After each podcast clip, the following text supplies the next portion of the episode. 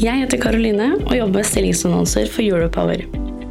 Europower har mer enn 7000 abonnenter, og podkasten du nå lytter til, har mer enn 300 ukentlige lyttere. Hvis du er på jakt etter ny jobb, se stilling.europower.no.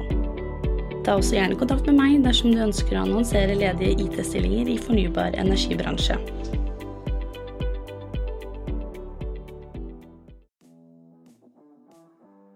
Pia, visste du at Europower nå har rundt 20 partnere som gjennom hele året publiserer annonsørinnhold på våre digitale flater? Ja, det visste jeg. Skal vi fortelle hvem?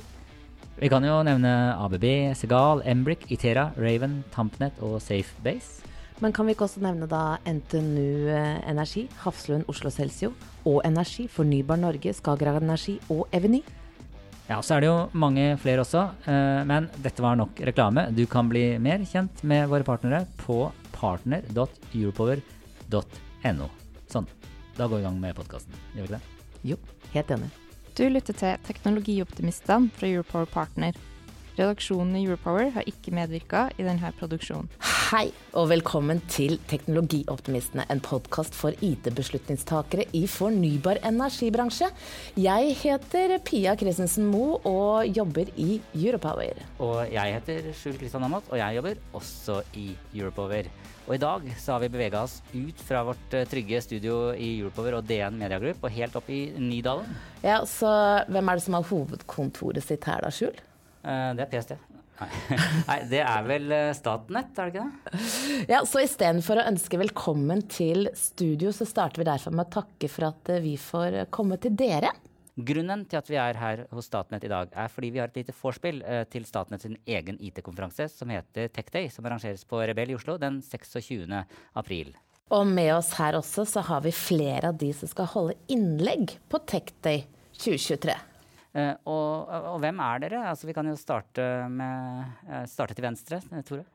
Ja, eh, Tore Skjulstad Bryne heter jeg. Eh, jobber i Statnett som seksjonsleder for noe vi kaller systemutvikling. Det kan dere jo gjette hva vi driver med. Systemutvikling. Nettopp. Det er, eh, og der har vi altså alle våre internt ansatte systemutviklere. De bor hos meg, eh, pluss at jeg leier inn alle. Hvor mange er det som bor hos deg da? Vi er 18 eh, pluss meg, eh, så et lite internt miljø. Og så har vi en god del innleide som vi supplerer med. Uh, og da må jeg alltid presisere at det er systemutvikling innen Java og Javascript-verden. Vi har også et stort Python-miljø, uh, som ikke er mine, men som også er veldig flinke. Uh, og noen som driver med plattformene våre. Hva med Men, eh, Kobolt? Kobolt har vi ikke så mye av, men litt Kotlin. ok, eh, da går vi videre. Ja, Trond Strøm heter jeg. Sitter nå som eh, ja, potet, eller jeg leder det som vi kaller for plattformteamet i Elhub. Eh, og det er det teamet som egentlig har ansvar for alt med, med infrastruktur, uh, nett, uh, servere, software og mye sånt.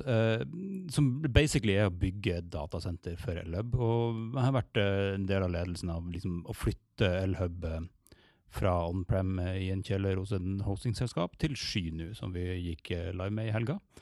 Der har jeg vært i Elhub siden 2015. Vært potet der. Basically gjort alt ifra, eh, fra tuning og design og implementasjon og sikkerhetskrangling, og nå leder jeg det som er, som er infrastrukturteamet vårt. Ekte potet. Ekte potet. Eh, og Lilian, Lilian, hvem er du? Ja, jeg heter Lillian Viken Helsengren. Jeg jobber i Statnett. Eh, Jeg har jobbet her i tre år. Og jobber som eh, fagleder nå for informasjonsarkitektur. Jeg jobber i en eh, seksjon som heter informasjonsforvaltning og informasjonsarkitektur. Det Høres veldig kjedelig ut, men det er faktisk veldig spennende det vi jobber. Det er veldig sexy, faktisk, har jeg funnet ut. Jeg Si det eh, en til. Informasjons... forvaltning og informasjonsarkitektur. Og det vi egentlig driver med, er information management sånn på engelsk. Eh, og jobber med hvordan vi skal faktisk klare å ja, eh, organisere og dele informasjon eh, på tvers eh, av organisasjonen, og få god kvalitet på den informasjonen vi skal jobbe med. Eh, og, og Jonas, eh, hva gjør du? Ja, mitt navn er Jonas Lenholm. Jeg jobber som systemarkitekt i Statnett. Og når Trond er potet så vi kanskje jeg potetgullene, for jeg gjør mange veldig spennende ting her. Så jeg jobber med systemarkitektur og da er det både på plattformsiden. vi har et samarbeid med Svensk Kraftnett som heter 50, da er vi ute i skyn. Och så ble jeg også en del inne i Statnett med informasjon sammen med Lilian og mange andra. Eh, Så er vi her eh, som sagt i dag eh, fordi vi er på et vorspiel til Tech Day. eh, Og da, da lurer vi jo litt på, da. eh, Hva er Tech Day? Kanskje du vil svare litt på det, Tore? Det, det kan jeg. Det er, dette er vel fjerde året, tror jeg. eh, Ja, omkring. lite pandemiavbrudd. Lite pandemiavbrudd, men ideen for fire år siden det var at vi ønsket å samle folk som jobber med IT her. Eh, og gjerne noen gjester, og eh, litt sånn eh, av nerder for nerder møtes, skravle. Eh, og så har vi heldigvis klart å utvide det også, at dette ikke bare er Statnett. Vi har fått med Elhøm på laget, som vi er veldig gode venner med. og vi er jo i Ja, slekt. Statnett er jo litt Det er ikke dere mora Vi er mora, tror jeg. jeg tror Det er del av det. Eller var jo det rødhåra stebarnet som fikk en hund med penger og bød om å gå bort til babybygget og lage noen greier der. Men, men så integrerte vi oss litt, ja. så vi er tett nå. Så vi er, vi, er, vi er tett nå. Vi er venner nå. Det er, men så har vi jo flere venner. Så vi ønsker egentlig at flere av de som jobber med IT i elkraftbransjen, at vi møtes, eh, blir kjent, eh, forstår hvor vi kan samarbeide, ser felles utfordringer. Og så er det en klar faktor i at det er show and tell. Vise fram kule ting. Se, eh, se og høre andre som gjør noe spennende. Og en sånn sosial arena. Og litt sånn av nerder for nerder. Det, er, det er ideen her. Er du en teknologioptimist? Har du lyst til å utgjøre en forskjell i energibransjen? Gå inn på stilling.europower.no for å se ledige stillinger akkurat nå. Men når dere, når dere inviterer andre også eh, Vi vet jo at Statnett rekrutterer en del på IT. Er det egentlig også en litt sånn employee branding? Uh...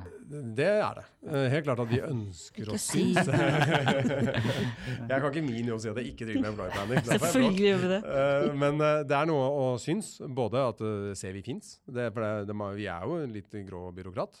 men det at vi, vi gjør spennende ting her, og også i en konkurransesituasjon. altså Vi vil vise oss frem for folk som Både folk som skal søke jobb her, men også folk vi har lyst til å samarbeide med. Eh, og fordi det er jo også Kjernen her er jo at vi vil at IT i elkraftbransjen skal lage smarte ting. Om det er vi som lager dem, eller om det er noen andre som lager dem. eller hvordan vi, at det er den graden av samarbeid vi ønsker å øke.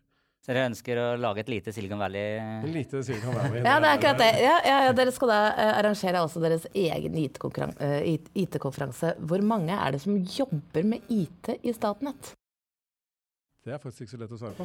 Altså, Lillian, vet du det? ja, jeg hørte tallet 280 i dag. Kan det stemme med liksom både innleide og ansatte? det tror jeg kan stemme. Uh, og det er klart, det, og IT er stort. Noen koder jo, og det er veldig lett å se at de du kan se både på skjermen deres og på dem at de jobber med koding, mens andre er jo tilgrensende områder. Vi er helt avhengig av arkitektrollene og at Lillian forteller oss hvordan dette skal henge sammen.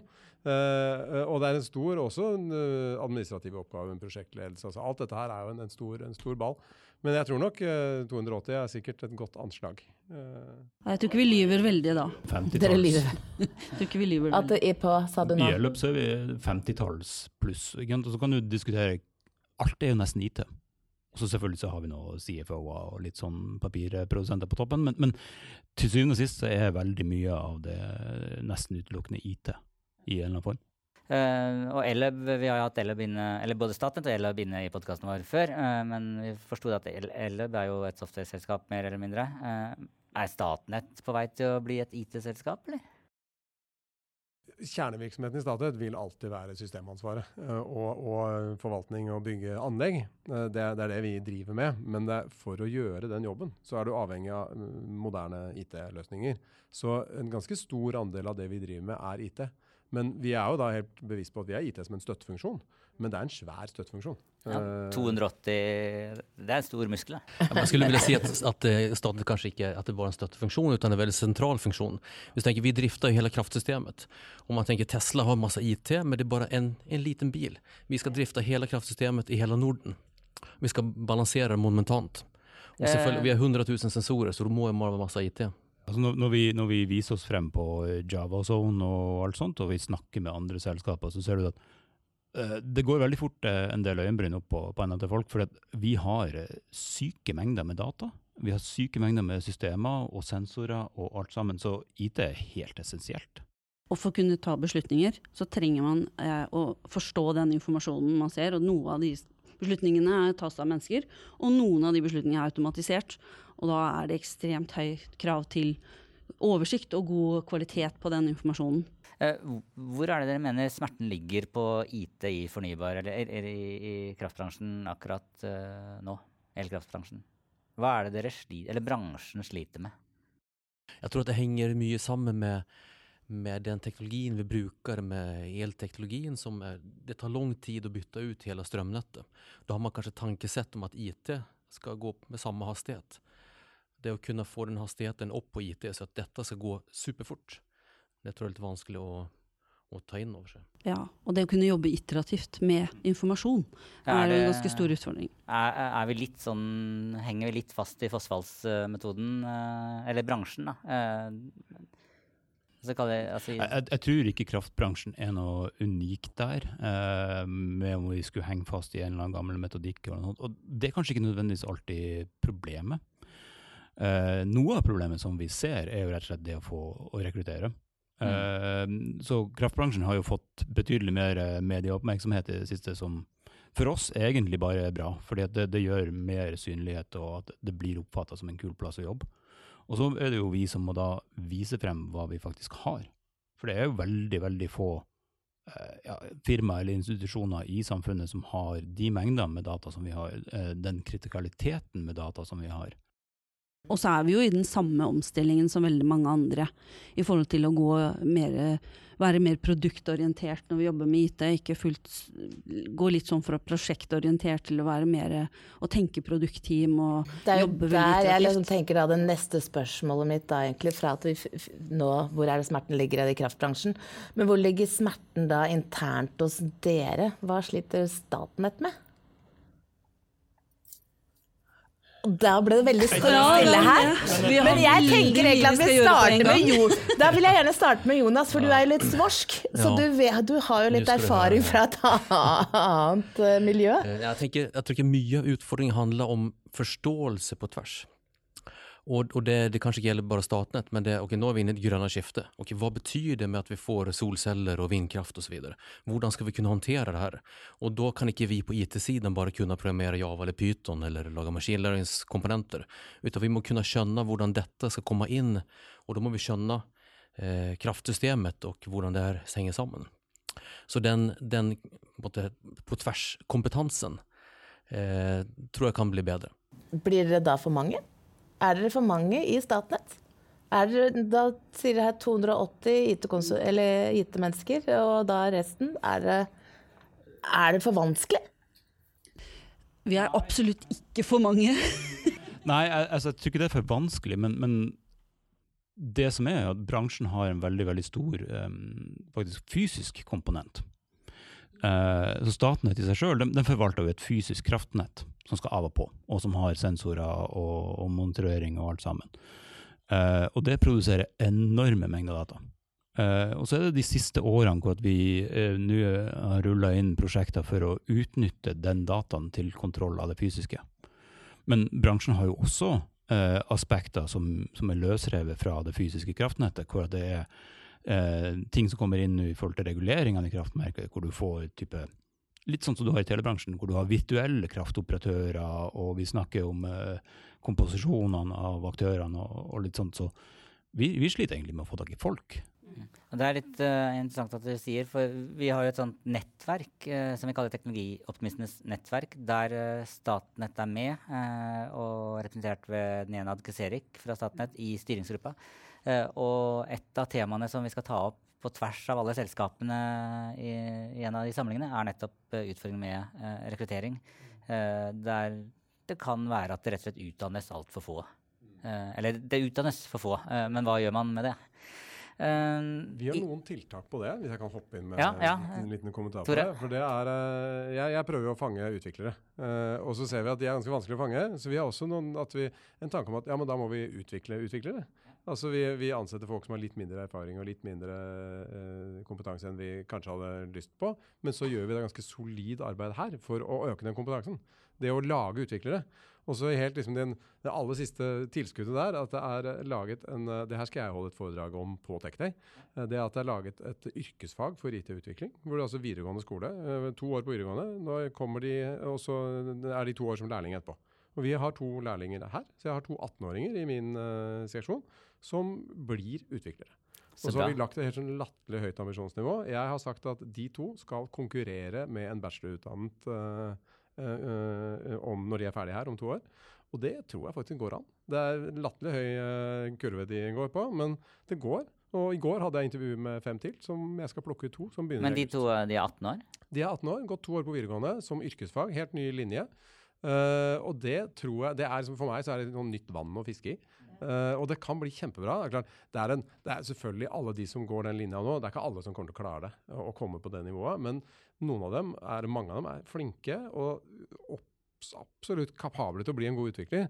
Men de trenger jo backing.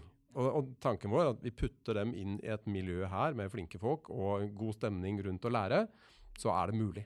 Uh, så, så det, det gleder jeg meg til å snakke om på TechDay. Uh, de, uh, de, utviklerne, eller de 18-åringene, har fripass til å komme som gjester i vår podkast. Ja. Så vet det du det. Veldig, ja. det, er, det, har de veldig lyst til. Ja. kan ikke bare ha sånne jeg skal, jeg skal, gi dem en liten dytt. ja. yes. I store organisasjoner eh, så blir det ofte stor avstand mellom de som beslutter på teoretisk nivå, og, og, de som faktisk står midt i grøten og skal utføre. Uh, og så var det vel egentlig ei fra Lede, uh, som sa, altså nettselskapet Lede, som sa for dem så var det liksom jobben å gå fra PPT uh, over til MVP. Altså liksom, få gjort noe, levert noe, og ikke bare stå og presentere syvårsplaner eller ja. hvordan er det hos dere? Er det mye powerpoint, eller? Ja, det er mye powerpoint. Men jeg må jo si, vi er jo en seksjon som jobber mye med retningslinjer og rutiner, som noen vil kanskje oppleve at det blir litt teoretisk. Men vi har jo egentlig nå, eh, og det gjør vi nå også i samarbeid med hele 50-gjengen, da, i forhold til eh, MFREM-satsingen ble veldig teknisk, men nei, i forhold til den momentanbalansesatsingen som eh, Jonas snakket om, eh, hvor vi egentlig jobber operativt og jobber sammen med miljøet for å få eh, skape en felles og god forståelse av hva disse rutinene handler om, da, og hva vi egentlig prøver å oppnå med de, og at det blir noe praktisk man kan bruke som en sånn hjelpemiddel, ikke bare noen sånn 'nå skal vi gjøre sånn' og 'nå skal vi gjøre sånn', men faktiske hjelpemidler da, for å gå i riktig retning. Og det, det, det tror jeg fungerer ganske bra, eller? Det fungerer bra. De andre rister på Nei, de det, er også sånn, det er også sånn det med en stor organisasjon, så er det jo vanskelig dette med tillit og få delegert ansvar osv. Så, videre. så det Statnett er langt fra perfekte der, men det er noe som man må jobbe med hele tiden for å få ta raskere beslutninger osv. Men jeg har jo foreslått at man skulle avinstallere PowerPoint. Da har man fått til en bedre digital ja, transformasjon. Det, vet du hva, det tror jeg. Vekk med PowerPoint, og, og, du må søke og skrive uh, business case for å få lov til å bruke Excel. Um, Trond, på konferansen så skal du fortelle om hvordan dere har løftet da Elhub fra on-prem til sky. Og eh. da kom jo da Først var det noe som gikk skikkelig på trynet. Oh, så inn i granskauen. um, ja, det ja, og, og, det er litt det Egentlig så tenkte jeg jeg skulle kalle foredraget mitt for 'Tales from the Crypt'. uh, men så ble det kanskje litt vel, uh, vel useriøst. Altså, det Nå har jeg jobba i Elløp siden 2015. Uh, eh, og det jeg på en måte begynte med i 2015, det var en, en stor outsourcing-kontrakt som var i ferd med å forhandles frem. Og så uh, balla det på seg. Vi valgte en outsourcing-partner, og de skulle begynne å implementere, og det var jo veldig sånn uh, Hva sto i kontrakten? Og med en gang vi på en måte påpekte en del ting, så var det nei, it's not in the contract. Og så fikk du hele det, det greiene der. Um, og kontrakten dikterte at ja, vi skulle gå live 2017, men det sprakk man jo så jævlig på, så kan, kan jeg si det? Uh, så, så, vi gikk jo live i 2019. Uh, og jeg vet ikke om du har sett denne filmen uh, The War of the Roses? Ja. Uh, vi som er gamle nok, vi har sett den. og det, det, det, er jo litt sånn betegnende. Altså, lykkelig, alle var forelska, og så gikk det ganske kraftig til helvete. Og idet man hang i lyse kroner og var på tur til å falle til døden, så ble man litt venner. Og, og det på en måte synes jeg er en veldig sånn, fin illustrasjon av Elløp. Men siden den skilsmissa som vi på en måte hadde med vår outsourcing-partner, så har vi jobba for å insource Elløp.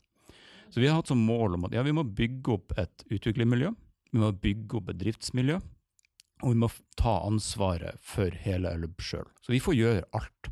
Og der er det eh, Vi har ikke noe powerpoint hos Ellub. Det er ekstremt korte beslutningsveier.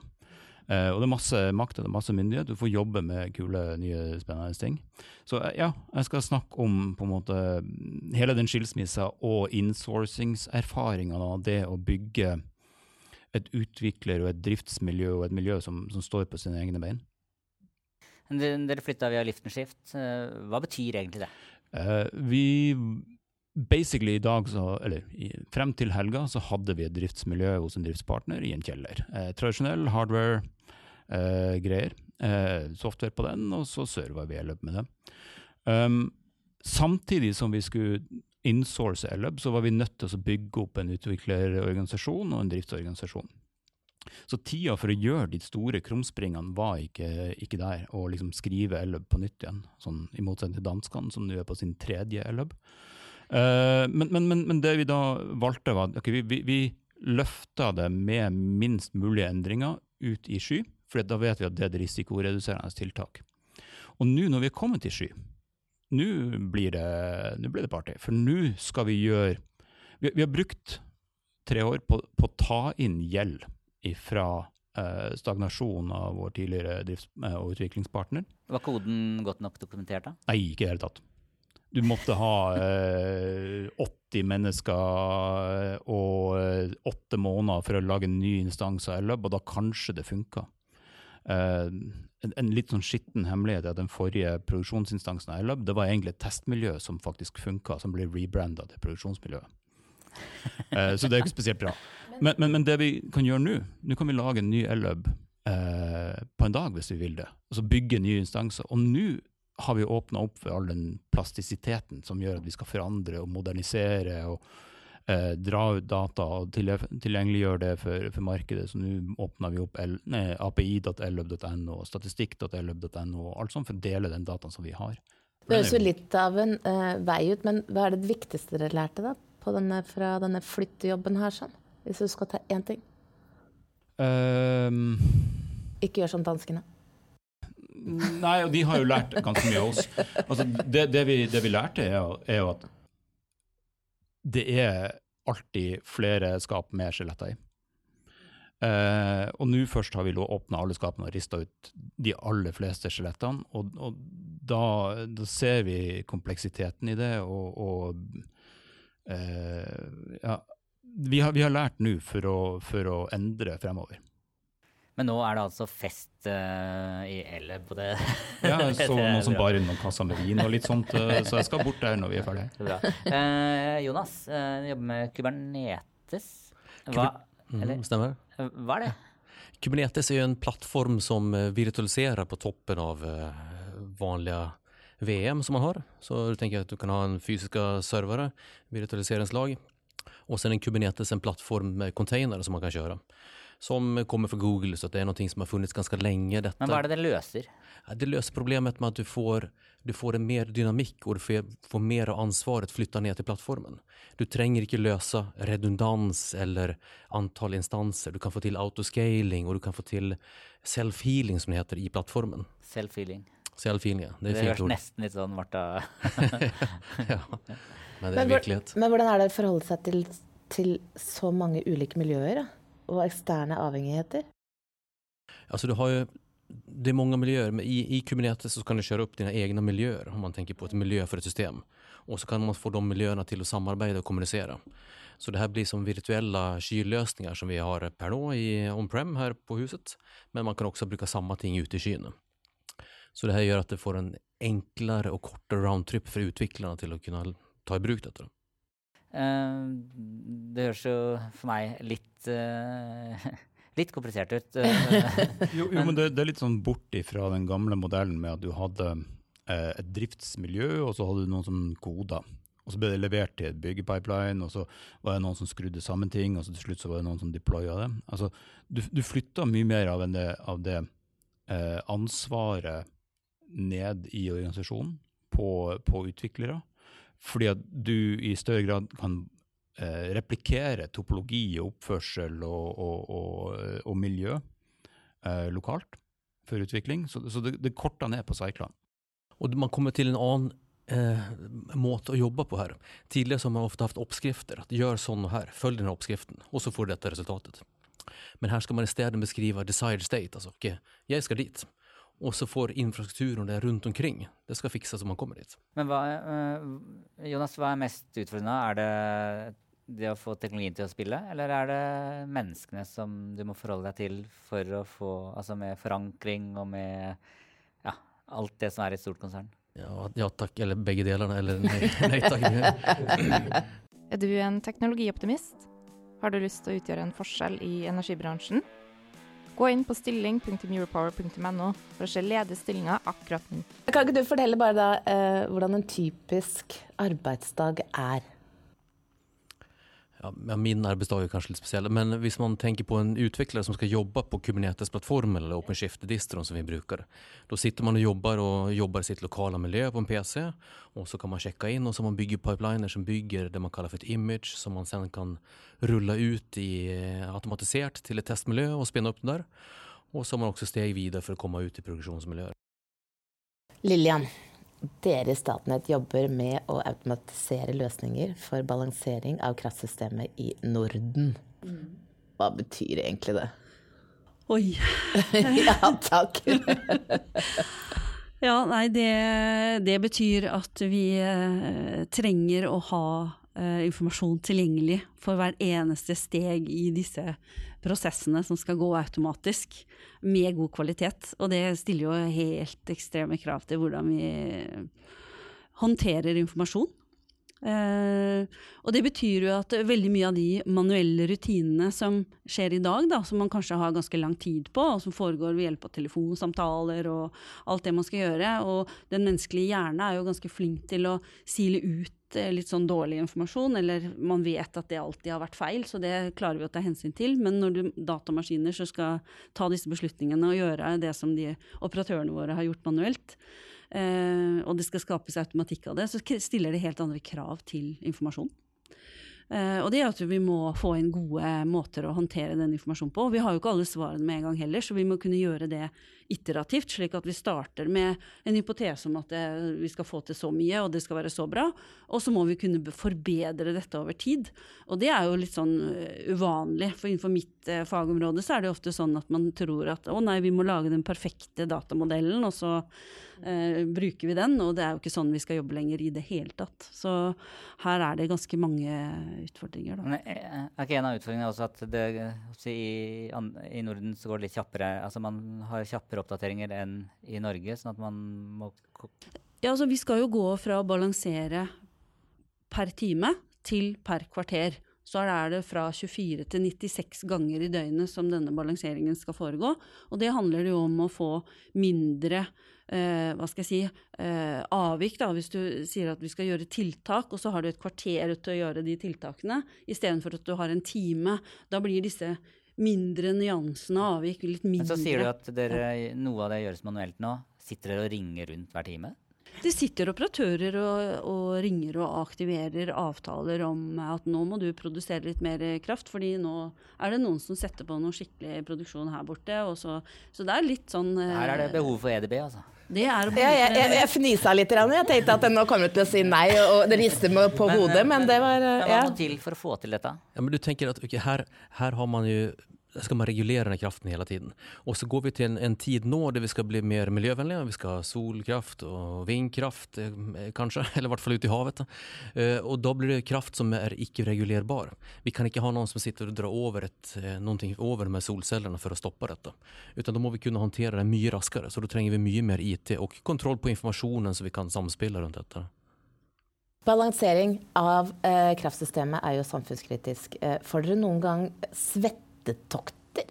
Fordi dere jobber med noe som er så helt kritisk og må virke. Det er litt av moroa også. Altså det at det er vanskelig og ingen har gjort det før, det er jo utrolig motiverende. Det er jo kjempegøy. Eh, men, men ja, det er også innmari skummelt. Det er eh, når du da sitter med en sånn oppgave og sier at det, det mangler jo jeg stiller til fotballkamp med seks uh, guttespillere istedenfor elleve. Eller kanskje ha en innbytter òg. Det, det er litt skummelt, men det er utrolig spennende. Er det noen av dere som Dere sitter jo tett på informasjon om hvor kritisk dette er. Er det noen av dere som ikke har beredskapslager hjemme? Nei. Men Nå jobber jo jeg med den finansielle avstemninga, så vi har 14 dager på oss før selskapet begynner å gå konkurs. Men eh, ja, nei, altså de som jobber med den fysiske balanseringa av nettet. Klart at det er en litt annen kritikalitet. Jag har jo blivit så norsk att jag har en hytta utan ström så jag har ett aggregat på, på hyttan. Så jag kan ju alltid dra dit. Da, da kommer vi alle, alle dit. Og, og så er det betryggende at Statnett har jo en lang historie altså Det å drifte strømnettet, det fysiske strømnettet har en lang historie med ganske høy beredskap. Altså Det er, det er eh, mange nødløsninger her. Eh, det, det skal gå gærent veldig mange steder før det går ordentlig gærent. Men det kommer til å bli skikkelig svett hvis, hvis dette detter ned. Men, eh, men strømmen, det lyser fortsatt. Ja, og det det vil fortsatt være operatører som følger med, og de vil fortsatt kunne gjøre eh, inngrep hvis det skulle gå veldig automatikken ikke skal fungere ordentlig. Da. Men der er jo en del av det, det som er skikkelig kult òg. Altså nettopp det at det du den softwaren du, du skriver og den softwaren du gjør, altså, men det har jo en direkte eh, påvirkning på, på oss alle. Eh, dere har Tech Day, eh, og det er derfor vi sitter her på dette vorspielet. Uh, og så prøver jo du å, fra Elleb å lansere din egen fest der, men det er jo egentlig Tech Day som er festen.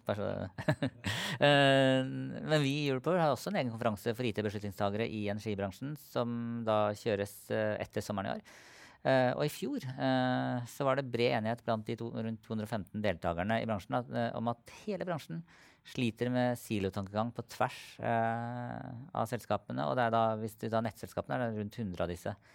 Eh, hvordan er det med silotankegangen eh, i Statnett? Ja, vi er jo monopolister alle sammen, så Ja, den er litt for, fortsatt for høy. Eh, alle, eh, ja. Nå er jo det nye store også fra leverandører at det skal være mange plattformer. Alle skal ha plattform. Og eh, vi sitter jo med hver våre plattformer i forskjellige områder. Eh, og da eh, Vi jobber mye med det hos oss, fordi det er jo viktig å få den informasjonsutvekslingen mellom alle disse områdene. Så eh, ja, har litt mye siloer. Eh, Litt mye siloer, Ja. Men hvordan jobber dere da på tvers da, i, i Norden med å dele dataeierskap og tilgangskontroll og datakvalitet? Hvordan, eh, hvordan skjer jobben der? Vi samarbeider. Ja, som i det här 50-programmet, då jobbar hela Norden sammen, eller i ja, det nordiske programmet. Også sen är 50-samarbeid mellan Statnett og Svenska kraftnät. Så då jobbar vi, liksom Lille jobbar mye med informasjonsarkitekter i Svenska kraftnät og de andre nordiske länderna. Og vi jobber tett sammen med de andre TSO-erna också, som det kallas. Men dere jobber ikke med danskene? Er jo Jeg med i tenkte den- siden de var på tredje versjon av Elhuben her, sånn, så jeg tenkte at nei, men, men, men det har eh, de her elhubene, eh, sånn som vi har, og danskene og, og svenskene ikke har. Eh, Men hold- Fingrid har- holdt på å få sin uh, Lub har jo gått live. Uh, det er jo uh, sluttbrukermarkedet, så det er jo på en måte det finansielle avstemninga og alt mulig rart. Men når man ser på det, så er det en harmonisering, i, spesielt i Norden, eh, når det gjelder forretningsprosesser. Eh, fordi at du flytter jo inn i et nytt hus i Sverige, og av og til brenner et hus ned, og så må man stenge av målepunktet, og så skal man ha avlesning, og alle en del av EU, så alle sammen skal bevege seg mot 15 minutters oppløsning på, på bransjen alle sammen. Så harmoniseringa i Norden er jo kommet langt. Eh, den er jo ikke ferdig, men vi er jo allerede begynt å lufte ting på samme måte som Jonas og gjengen i eh, 50, som har på, eh, på kontrollnivå, så har vi begynt å snakke hva med hub-utveksling av data? Vi har jo aktører eh, i kraftbransjen eh, som ikke nødvendigvis bare finnes i Norge. Så, så da må vi også eh, snakke sammen på tvers av landegrensene der. Og det som jeg og Lilan skal snakke om på Tektøy, det handler om informasjon og informasjonsdeling. Og det er sånn at vi har mye data som er hemmelig, som ikke utenlandske eh, organisasjoner skal ska få tak på, men det er mye informasjon vi bør og må dele. Eh, energibransjen er i endring. Eh, vi får mer ikke-regulerbar kraft inn på altså sol og vind. Eh, og så endres jo også forbruksmønsteret vårt. Vi får elbiler og, og, og så videre. Eh, og det skaper jo utfordringer med tanke på flaskehalser eh, i nettet. Statnett har gått ut og, varslet kraftunderskudd. Hvordan kan data og deling av data på tvers av TSO-ene i Norden bidra til bedre analyser, sånn at man kan ta bedre beslutninger? Jag var med på et FoU-projekt som hade Statnett der vi holdt på med, med forbrukarflex, eller at man skulle styre forbruk. Og det blir noe annet enn at man styrer produksjonen. Da eksempel så skrur du av temperaturen i en basseng i Tromsø, og man kan gjøre en del sånne tiltak. Så da trenger man informasjon om forbrukerne og kunne bruke deres mekanismer også. Mm. i, i Elub så har vi jo tre års, tre års uh, historikk for på alle målepunkter når det gjelder produksjon og, og uh, konsum. Og vi ser jo næringskoder som, som, konsumerer og alt sammen. Så klart at de datasettene som vi har i både Statnett og Ellub, det er jo datasett som vi kan bruke til å modellere eller gjenskape kraftnettet, eller se hva er effekten av eh, en ny solcellefabrikk i Mo i Rana? Hva vil det bety for eh, kraftoverskudd, underskudd, transport, ikke minst, inn og ut av regionene? Eh, før vi avslutter, så har vi det viktigste spørsmålet av dem alle, eh, og grunnen til at vi egentlig eh, kom hit. Eh, og det går på hvilken datamaskin som var deres første. Min første datamaskin var en Amiga 500. Min første datamaskin var en High Note Ultra. Og hva var deres første? Og siden det er fire her nå, så kan vi jo starte med Tore.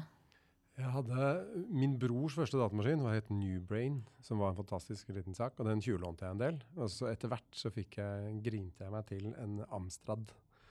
Amstrad? Amstrad, og den var, ja, Og for så vidt innom en sånn ZX81 som, ja, med med skrekkelig lite minne. Så jeg, jeg ble, ble tidlig drillet i at minnet har du bare til låns.